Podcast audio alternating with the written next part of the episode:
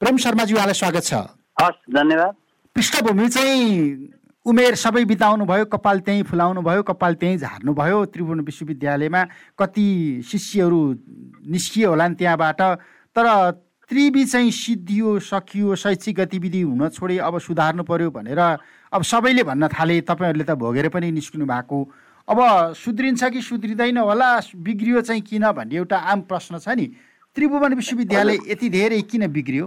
यति धेरै बिग्रियो त्रिभुवन विश्वविद्यालय मात्रै बिग्रियो। होइन देशै बिग्रिएको कुरालाई एउटा समग्र रूपबाट हामीले विवेचना गर्ने विश्लेषण गर्ने आत्मआलोचना गर्ने समीक्षा गर्ने प्रयास गरौँ। त्यसै कारणले जब होल सिस्टम प्रणाली नै विकृति उन्मुख भएको अवस्थामा त्रिभुवन विश्वविद्यालय बिग्रियो भने एकल तरिकाले एकल आँखाले हेर्ने यो प्रविधि त्यति उपयुक्त त मान्दिनँ। तर धेरै बिग्रिसकेको छैन। रास चाहिँ पक्कै भएको छ। त्यसलाई हामीले स्वीकार्नुपर्छ। विगतको जुन व्यवस्थापन थियो विगतको यो त गुणस्तरीय शिक्षा प्रदान गर्दथ्यो त्यो कुराबाट अलि हामी खस्किएको कुरा यो सबैले स्वीकारकै कुरा हो। सबैले अनुभव गरेको कुरा त्यो यथार्थ कुरालाई हामी ढोक रोक छाप गर्न सकिँदैन। त्यो भएको कुरो तथ्य सत्य हो। रह्यो कुरो कहाँ हो त भन्दा त्रिभुवन विश्वविद्यालय तपाईँले पृष्ठभूमिमा बताइसक्नु भएको छ मूल जरो नसा केमा विकृति उन्मुख भएको भन्दा राजनीतिकरणका कारणले यो विकृति भएको हो। र राजनीतिकरण त पहिला चाहिँ बहुदलीय व्यवस्था थिएन पार्टीगत कुरा थिएन निर्दलीय पञ्चायती व्यवस्था थियो त्यस अनुसारको एक दलीय तरिकाको प्रणालीभित्र निर्वाध तरिकाले चलेको थियो। जब मल्टी पार्टी आइसकेपछि हामी विश्वविद्यालयभित्रै प्राकृतिक क्षेत्रमा काम गर्ने व्यक्तिहरू नै आफैको राजनीतिक पृष्ठभूमिको ह्याङओभरले गर्दा हामी अंशबन्धीय तरिकाले पहिलो विकृतिको प्रकाश त हामीले सुरु गरेकै हो। किन? भन्दा उपल्लो पदहरू जस्तै उपकुलपति रजिस्ट्रार रेक्टर्सहरूको पददेखि नै हामी के गर्न थाल्यौँ अंशबन्धीय तरिकाले गयौँ। किनभने पञ्चायत व्यवस्था विरुद्धमा सङ्घर्षरत भएका दलीय चरित्रको पृष्ठभूमिबाट आएका हाम्रा प्राध्यापकहरूले त्यो किसिमको संस्कार र प्रणाली पहिला उहाँले प्रयोग गर्नुभयो। राजनीतिक राजनीतिक पृष्ठ आन्दोलनको एउटा धङधङ्गी चाहिँ त्यहाँभित्र देखियो। सुरुका दिनमा। हो। अनि पछि गएर के भयो त भन्दा यतिसम्म तल जराधारमा पुग्यो कि जस्तै अहिले वडा तहमा सिंहदरको अधिकार पुगेको छ भने जस्तै अब हामी सबै अंशमण्डीय तरिकाले यो कहीँ नभएको केही नभएको कम्पिटेटिभ तरिकाले एउटा मेरिटोलोजीबाट अथवा श्रेष्ठताका आधारबाट हुनुपर्ने कार्य सम्पादनको उच्चतम व्यवस्थापनबाट हुनुपर्नेको सट्टा नीतिगत भन्दा दलगत तरिकाले हामी अभिप्रेत भयौँ र पद बाँडफाँडको हैसियतले गर्दा एउटा डिपार्टमेन्टको हेड प्राप्त गर्नको निम्ति सहायक क्याम्पसी पाउनको लागि अथवा क्याम्पसी पाउनको यावत पदहरू अंशमान्य तरिकाले गयो। त्यसैको परिणाम अहिले हाम्रो देशभरि नै गठबन्धनको चरित्र हाबी भएको छ। अब सांसद पनि अंशपण्ड गरेर बाँडफाँडमा गएछौँ भने हामी कहाँ छौँ भन्ने कुरालाई पहिला ठुलो आँखा होइन सानो सूक्ष्म तरिकाले हेर्नुपर्ने हो। हामीले खालि त्रिभुवन विश्वविद्यालय बिग्रियो मात्रै भनिरहेका छौँ कि। किन? राजनीति गर्ने व्यक्तिहरूलाई राजनीति गरेर ल्याएका छौँ। अब यतिसम्म भइसक्यो अहिले उपकल्पीको नियुक्तिको विषयमा। यति वर्ष पदाधिकारी भएको व्यक्ति हुने भन्ने कुरो पनि शीर्षस्थ देशको सञ्चालकबाट समेत अभिव्यक्ति आउन थालिसकेपछि कहीँ अब सिमाना छ।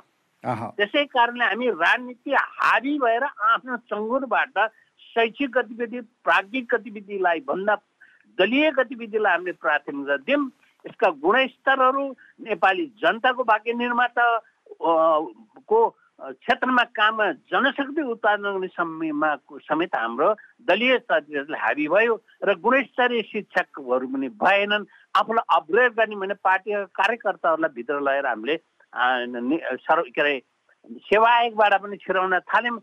अस्थायीभित्र राख्यौँ पार्ट टाइम राख्यौँ डेली वेजेस राख्यौँ। यो सबै कुरा के हो भने मेरिटोलोजीबाट हामी वञ्चित भएर हामी पार्टीगत तरिकाले चलिसकेपछि एउटा रह्यो। अर्कोतर्फ यो त्रिभुवन विश्वविद्यालय गुणस्तर खस्किनु अब यो अब डुब्यो यावत भन्नुको अर्थ के भने त्रिभुवन विश्वविद्यालयले नेपाल सरकारले दिनुपर्ने अनुदान सारा कुरा के हो त भने छुट्याइएको बजेट पनि अत्यन्त न्यून छ। त्यस्ता किसिमको पूर्वाधारले पनि हुँदैन। इन्सेन्टिभ पनि छैन। प्राध्यापन गर्ने व्यक्तिहरूलाई इन्सेन्टिभ हुनु पर्यो। र विद्यार्थीहरूलाई प्र्याक्टिकल अथवा व्यावहारिक शिक्षाको लागि स्थलगत अध्ययन गर्ने अनुसन्धान गर्ने पनि बजेट छैन। अनि यस्तो तरिकाले भाषणले हुने होइन। कक्षा कोठामा दिएको सैद्धान्तिक ज्ञानले मात्रै कहिले पनि परिष्कृत भइँदैन। जबसम्म हामी व्यावहारिक शिक्षा एप्लाइड शिक्षा हामीले प्रयोगत्मक शिक्षा हामी अङ्गीकार गर्दैनौँ विद्यार्थीलाई यो कुरा शिक्षाले केही काम गर्दा गर्दा त अहिले विद्यार्थीलाई दिँदै आइएको। मेरिटोलोजीबाट गोल्ड मेडलको शीर्ष स्थानमा नामाकरण भइसकेका विद्यार्थीलाई समेत हामी एउटा तकमाको रूपबाट प्राथमिकता दिएर तिनीहरूलाई एउटा प्रोत्साहन गर्ने परम्परा नि कल्चर पनि बजेट अभावका कारणले अगाडि गयो। यस्ता किसिमका कुराले खास गरी राज्यको निर्देशन गर्ने राज्यको व्यवस्थापन गर्ने तत्त्व अथवा नेतृत्व तहबाट हुन गएको हेला होचो र यसलाई ओजेलमा राखिएको र आफ्नो राष्ट्रिय हितभन्दा पनि व्यक्तिगत हित दलीय हितबाट अगाडि चल्न जाँदाखेरि स्थिति सिर्जना भएको अब यो त्रिभुवन विश्वविद्यालयको नेतृत्वमा चाहिँ योग्यतै नभएका मेरा मान्छे पठाएर यस्तो भएको हो कि योग्यता भएका मान्छेहरू त्यहाँ गएर प्यारो हुनु खोज्दाखेरि बिग्रिएको हो? योग्यता छन्ने त कुरै प्रश्न होइन कि? देशमा हाम्रो त्रिभुवन विश्वविद्यालयले आज देशको झन्डै पहिला त अब शत प्रतिशतै उच्च जनशक्ति उत्पादन गर्थ्यो। यसभित्रमा प्रकाण्ड विद्वानहरू छन्। अन्तर्राष्ट्रिय के अरे पुरस्कृत भएका प्रोफेसरहरू पनि छन् डक्टरहरू पनि छन् त्यस्ता व्यक्तिहरू छन् र हामीले उत्पादन गरेर म पनि त्यसैको उत्पादन गर्ने एउटा शिक्षक हैसियतमा के हुन्छ हामीले उत्पादन गरेको विद्यार्थीहरूले अमेरिका होस् अस्ट्रेलिया होस् युरोपियन होस् कुनै पनि ठाउँमा गएर आफ्नो प्रतिभा सो गर्न पनि सक्षम भएका नभएका छौँ त छन्। तर हामी के कुरा गर् त्यस्तालाई प्रोत्साहन गर्ने कुरा गरेनौँ भने त्यस्तो उत्पादन गर्ने ठाउँमा आवश्यक अनुकूलित किसिमका वातावरण बनाउने कुरामा हामी राज्यबाट वञ्चित रह्यौँ। र यो राजनीतिक खेलबाट भयो र साँच्चै सक्षम प्राज्ञिक क्षमता भएका व्यक्तिहरूलाई ल्याउनु भन्दा कम्पिटेटिभ तरिकाले प्रतिस्पर्धात्मक तरिकाले पदलाई दिएर उहाँलाई कार्य सम्बन्धबाट ल्याउनु भन्दा पार्टीमा काम भएको पार्टीमा सदस्य भएको कति चन्दा दिएको यस्ता व्यक्ति र बिचौलियालाई हामीले अगाडि ल्याइसकेपछि अस्तव्यस्तता भन्नेको अनुभूति भएको हो र यहाँ पढ्ने विद्यार्थीलाई हतोत्साही गर्ने किसिमको वातावरण कक्षा कोठामा राम्रो किसिमको पठन पाठन नहुनु व्यवहारिक शिक्षा नहुनु र स्थलगत तरिकाले कुनै पनि विद्यार्थीले सिक्ने वातावरणै नभएको कारणले यो स्थिति सिर्जना भएको अब आजको मितिमा हामी स्वतन्त्र विज्ञ सक्षम मान्छे भन्छौँ नि। अब त्यो स्वतन्त्र विज्ञ सक्षम अथवा कुनै दलीय आड नभएको झोला नबोके नबोकेको मान्छे त्यहाँ गएर त्रिभुवन विश्वविद्यालय सुधार्छु भनेर त्यो अठोट लियो भने उसले काम गर्न सक्छ? त्यो परिस्थिति छ? छैन। किन? छैन भन्दा उनीहरूलाई हतोत्साही गरिन्छ। त्यस्ता व्यक्तिहरू हुनुहुन्छ उहाँहरू अहिले अलि मुख दर्शक भएर बस्नु भएको छ म्युट अथवा चुपचाप रहनुभएको छ आफ्नो ठेकिएको कक्षा कोठामा उहाँले कार्य सम्पादन गर्नुहुन्छ राम्रो तरिका पठाउन अहिले मैले जानकारी गराइसकेँ बिन्ती गरिसकेँ कि दिएको कक्षा कोठा थ्योरी अथवा सैद्धान्तिक ज्ञान उहाँले दिनुहुन्छ तर विद्यार्थीलाई सैद्धान्तिक ज्ञानले मात्र हुँदैन। विद्यार्थीलाई व्यवहारिक ज्ञान चाहिन्छ व्यवहारिकलाई विद्यार्थीलाई अभ्यास गर्ने कार्य सम्पादन गर्ने एउटा अवसर चाहिन्छ स्थलगत जस्तै पञ्चायती व्यवस्थामा पनि तिसको दशकतिर दुई हजार तिसको दशकतिर एउटा राष्ट्रिय विकास सेवा भन्ने एउटा व्यवहारिक एक वर्ष कार्यक्रम पठाइन्थ्यो। त्यसमा विद्यार्थीहरूले अनुसन्धान गर्थे गाउँ स्तरमा दूर दराजमा गएर पठन पाठन पनि गर्थे त्यहाँको वस्तुस्थिति बुझ्थे। त्यसको आधारबाट एउटा रिपोर्ट हुन्थ्यो सय पूर्णाङ्कको हुन्थ्यो। त्यस्ता कुराहरूलाई पनि हामीले नजरअन्दाज गरेर गयौँ र अहिले त हामीले व्यवहारिक शिक्षा साठी चालिसको अवस्थामा जाँदा अथवा पचहत्तर पच्चिसको अवस्थामा जाँदा पच्चिसको नम्बर त हामीले त्यसै दिइराखेका छौँ।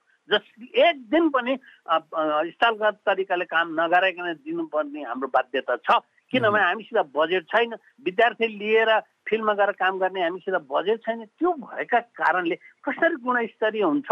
ल्याब छैन। पर्याप्त मात्रामा डिभाइसेसहरू प्रयोग गरेर विद्यार्थीहरूलाई प्रशिक्षित तरिकाले प्रयोगत्मक तरिकाले काम गर्ने वातावरण नभएपछि यसको गुणस्तर खस्कन गएको यो सम्पूर्ण जिम्मा के हो भने देशको सञ्चालकबाट यस्ता किसिमको वातावरणमा उहाँहरूकै पदीय ठुलो व्यक्ति हुनुहुन्छ चान्सलर हुनुहुन्छ उप चान्सलर हुनु सह चान्सलरदेखि लिएर ठाउँ ठाउँमा र यो देशमा राजनीतिकरण हुँदा हुँदा अहिले त चौध पन्ध्रवटा विश्वविद्यालय पनि आवश्यकताभन्दा बढी विश्वविद्यालय हुन गएको छ।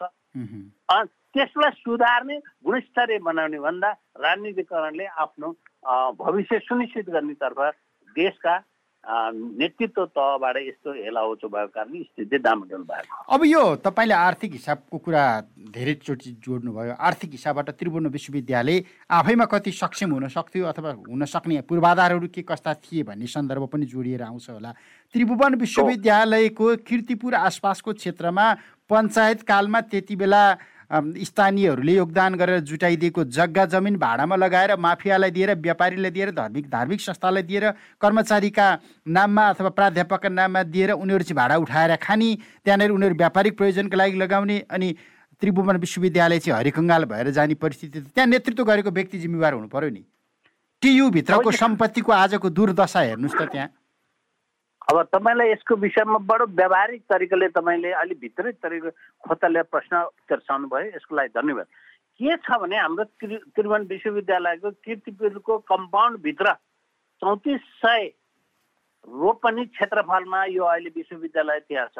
यस्तो क्षेत्रफल भनेको नेपालभरि त्रिभुवन विश्वविद्यालयबाट सञ्चालन भएका क्याम्पसहरूसित प्रशस्त जग्गा जमिनहरू छन् जस्तै भारत बिएचयुको कति हो बिघा जमिन भए जस्तै नेपालमा पनि त्यस्ता छन्। अनि त्यस्तै गरेर हाम्रो नेपालमा एउटा नमुनाका रूपबाट भन्छु नेपालको एसएलसीमा प्रथम श्रेणी ल्याएर एसएलसी टपर भनेर चिनिने जुद्धदय माध्यमिक विद्यालय थियो। त्यसको जमिनलाई घरको कवललाई प्रयोग गरेर चाहे त्यो पढाउँदैको होस् या यस्ता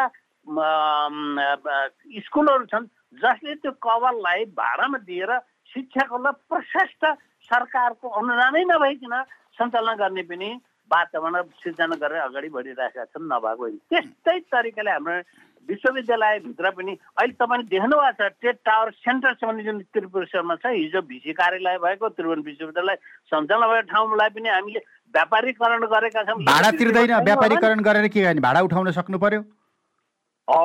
यसको नलायक कुरो के हो त भन्दा भाडा उठाउनको लागि अब कतै पनि नगर्ने राज्यको सम्पत्ति दोलन ध्वस्त गर्ने यस्तो दोहन गर्ने तरिकाको चरित्र कसरी त्रिचन्द्र क्याम्पसको वरिपरि त्यस्ता किसिम सानो तरिकाले व्यापारीकरण गरेर पनि आफ्नै स्रोतबाट सञ्चालन गर्न सकिन्छ भने गुणस्तरीय शिक्षा के अरे विद्यार्थी उत्पादन गर्ने बित्तिकै वहिरो लाएर हामीले अब भन्न त प्रधानमन्त्रीले भनेको मैले सुनेको छु अब हाम्रो देशबाट युवा शक्ति विद्यार्थीहरू बाहिर पढ्न जाने होइन कि? विदेशी विद्यार्थीहरू हाम्रो नेपालमा भित्राउने हामी वातावरण बनाउने यो भाषणले हुने त होइन। हामी रासन खान पाएको छ नि यिनीहरूको भाषण खाने हामी। अनि यो तरिकाले विद्यार्थीले भाषणले पेट भरिन्छ विद्यार्थीको दिमागमा भाषणले भरिने कुरो होइन नि त। उनीहरू विद्यार्थीलेको दिमागमा त के हुनु पर्यो भने गुणस्तरीय शिक्षा प्रदान गर्ने किसिमको अवसर हुन पर्यो र उहाँहरू भएसित भएको शिव जाँगर स्किल सिप सारा कुरा यही देशमा प्रयोग गर्ने किसिमको वातावरण किन बनाइएको छैन? यहीँका विद्यार्थीहरू अमेरिका गएर साइन्टिस्ट भएका छन् अस्ट्रेलिया गएर साइन्टिस्ट भएका छन् अरू देशमा समेत लेखिए तरिकामा त्यो वातावरण भारतमा छ नि। बेङ्गलोरमा हेर्नुहोस् त हाम्रो यो के अरे के भन्छ सफ्टवेयरको आइटी आइटी पार्क। त्यो त्यो भारतमा अहिले अमेरिकामा बसेर पढेका विद्यार्थीहरू पुरै बेङ्गलोर चेन्नई केरला यता फर्केर त्यहाँ जाहिर खाने आफ्नै देश फर्केका छौँ भने हामी त्यस्तो किसिमको वातावरण किन गर्न सकिरहेका छैनौँ भने हाम्रो सरकारले त्यस्तो वातावरण बनाउने अब अगाडि जाने कुरामा रहेन। त्यसै कारण अहिले राजनीतिक दलहरूले आफूलाई सुधारिने र यसबाट अब देशलाई सुधारेर एउटा प्रस्पेरियस लाइफ अथवा समृद्धि उन्मुख गराउने सबैलाई खुसी पार्ने रोजगार दिने यति राम्रो भू संरचनाको बिचमा देश छ। उत्तरतिर चिनको उन्नतिलाई विश्वले कसै च्यालेन्ज दिन नसक्ने अवस्थामा पुगिसकेको छ भारततिर पनि त्यस्तै छ। यस्तो ठाउँको हाम्रो भू संरचनामा हामी गुज्रनु पर्दा पलायन हुनु पर्दा देशमा अहिले ठाउँ ठाउँमा हेर्दै जान्छु म राष्ट्रिय ज्येष्ठ नागरिक महासङ्घको केन्द्रीय सदस्य म हेर्छु। हामीले प्रशिक्षण सारा यो देशमा वृद्धको सङ्ख्या दस पोइन्ट दुई पुगिसक्यो। अरूहरू घटेर तल भइसक्यो। अब यस्ता व्यक्तिहरूलाई हेर्ने जनशक्ति छैन। अवहेलित भएर बस्नु परेको छ। अस्तव्यस्ततामा गुज्रेको छ। त्यसो यसको जिम्मेवारी को? बेलैमा राज्य सञ्चालक हुनुपर्छ भन्ने मेरो म यो अलिकति अघिकै फेरि त्यही पनि उसमै गएँ। अलिकति तपाईँसँग धेरै विज्ञता होला भनेर मैले फर्काएँ। यो त्रिभुवन विश्वविद्यालयको सम्पत्ति दुरुपयोग चौतिस सय चान्चुन भनियो। अब त्यसमा अझै बढी पनि हुनसक्छ। यो बिचमा कलङ्की आसपासको क्षेत्रमा हराएका केही जग्गा फेरि भेटियो भन्ने पनि आएको थियो। अब ल्याब चलाऊ विश्वविद्यालयलाई अब्बल बनाऊ भनेर बनाइदिएकोमा लगेर एउटा व्यापारीको स्कुल चलाएको छ। उसले वर्षौँदेखि मुद्दा मामिला गरेर जग्गा नामसारीका लागि निवेदन हाल्यो भन्ने समाचार आइराखेको छ। काहीँ प्रहरीको भवनहरू बनेका छन् दुई तिनवटा प्रहरीको भवनै त्यहाँ देखिन्छ। कतै सत्सङ्ग भनेर एउटा धार्मिक केन्द्रले दुई आना जग्गामा अहिले चार पाँच रोपनी जग्गा लग्यो रे भन्ने आइराखेको छ। बेलम्चीको कार्यालय त्यहीँ राखिएको छ।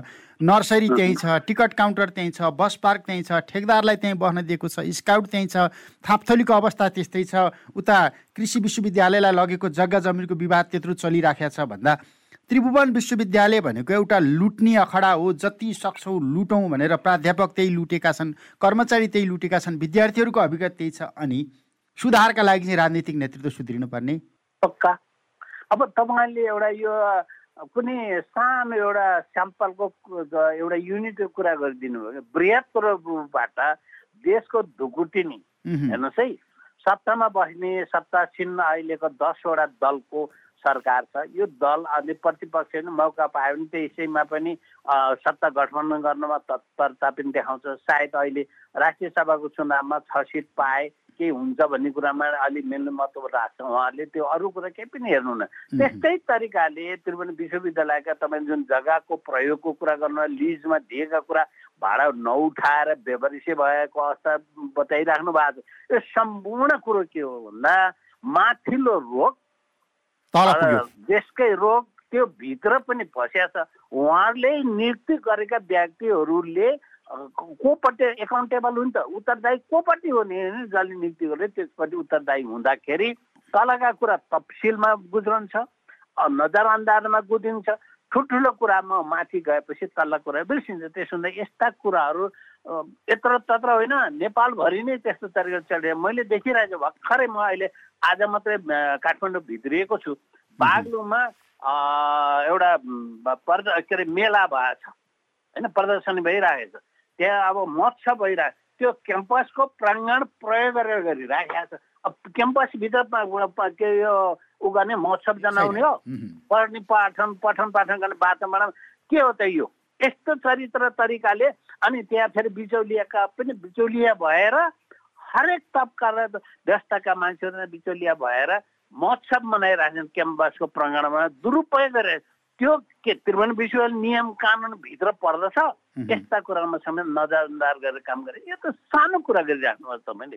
प्रशासनिक भवन प्रशासनिक प्रशासनिक भवनहरूमा सरकारी बोर्डमा तन्नाले छोपेर राजनीतिक गतिविधि गर्ने राजनीतिक पार्टीहरू सरकारमा छन् भनेपछि ती कुराहरू अब आय आर्जनका स्रोत हुन्छन् माध्यम हुन्छन् भनेर दुरुपयोग गरिहालिन्छ।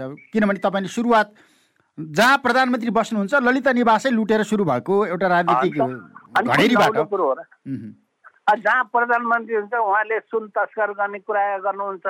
जहाँ प्रधानमन्त्री गृह गृहमन्त्री हुन्छ उहाँहरू गृह के नागरिकता दिनेको मन्त्रालयबाट सिडिओ मार्फत नागरिकता दिने ठाउँमा नेपालीलाई भुटानी नागरिकता भेज्नुहुन्छ।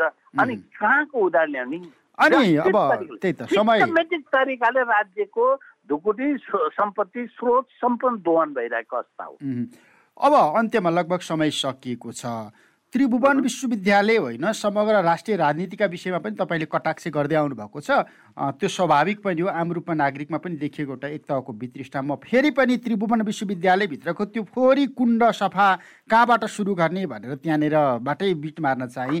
यो कुण्ड फोहोर भयो भन्छौँ। विद्यार्थीहरू बेरोजगार उत्पादन गऱ्यौँ भन्दै गर्दाखेरि विद्यार्थी उत्पादन गर्ने धेरै गुरुहरू नै विज्ञहरू नै पलायन भइसके एउटा पृष्ठभूमि छ हामीसँग। अब यो कुण्ड चाहिँ सफा गर्नु पर्यो कसरी कहाँबाट गर्ने? अत्यन्त सम्भव छ। अत्यन्त सहज छ। म यति तरिकाले सल्युसन दिन्छु कि यो अत्यन्त सम्भव छ। राजनीति नियुक्ति बन्द गरिदिने। विद्यार्थीका सङ्घ सङ्गठन त्यो जुन भारतीय सङ्गठनबाट यहाँ सञ्चालन छन् तिनीहरूलाई पनि केही समयलाई बन्द गर्नै पर्छ। एउटा पेसागत होइन यो। व्यवस्थित के अरे विद्यार्थीमा हक हितको लागि राम्रो अनुकूल वातावरणको लागि विद्यार्थीको सङ्घ सङ्गठन चाहिएला। तर अहिले राजनीति गर्ने नेताहरूको र पार्टीहरूको भारतीय सङ्गठन हाबी हुन सोबियो भन्ने छ नि त। सोबियोको दृष्टिभन्दा बाहिर गएर नेभी सङ्घ अखिल क्रान्तिकारी के के के के के के भन्नुपर्ने कुनै आवश्यकता छ? तिनका दुरावस्था त राजनीतिको- त्रिसठी साल राजनीति पछाडि गर्नको लागि त्यो देखिहाल्यो प्रि क्वालिफिकेसन हो त्यो ठाउँमा यी कुराहरू बन्द गर्नु पर्यो पहिला कुरा। दोस्रो कुरो के हुन पर्यो भने पर्याप्त मात्र व्यावहारिक शिक्षा र एउटा प्रयोगत्मक शिक्षातर्फ अथवा बजारीकरणको शिक्षा बजारको माग अनुसारको हामीले करिकुलम पनि अथवा पाठ्यक्रम पनि एउटा अलिकति संशोधन गरेर अगाडि जान पर्यो। विद्यार्थी चाहियो। अनि त्यस त्यस अनुसार काम गर्ने शिक्षकलाई रिवार्ड र पनिसमेन्टको व्यवस्था प्रभावकारी तरिकाले कार्यान्वयन गर्ने जस्तै कस कुनैको विषयमा अथवा कुनै डिपार्टमेन्ट राम्रो किसिमको वातावरण सिर्जना भयो त्यहाँबाट जनशक्ति उत्पादन भयो र बजारमा ती उत्पादित जनशक्तिले मार्केट पाउनु बित्तिकै त्यसलाई प्रोत्साहन गरिन्छ त्यस्ता शिक्षकहरूलाई दिएको सर सुविधाभन्दा थप सुविधा दिने व्यवस्था पनि गरिदिन पर्यो।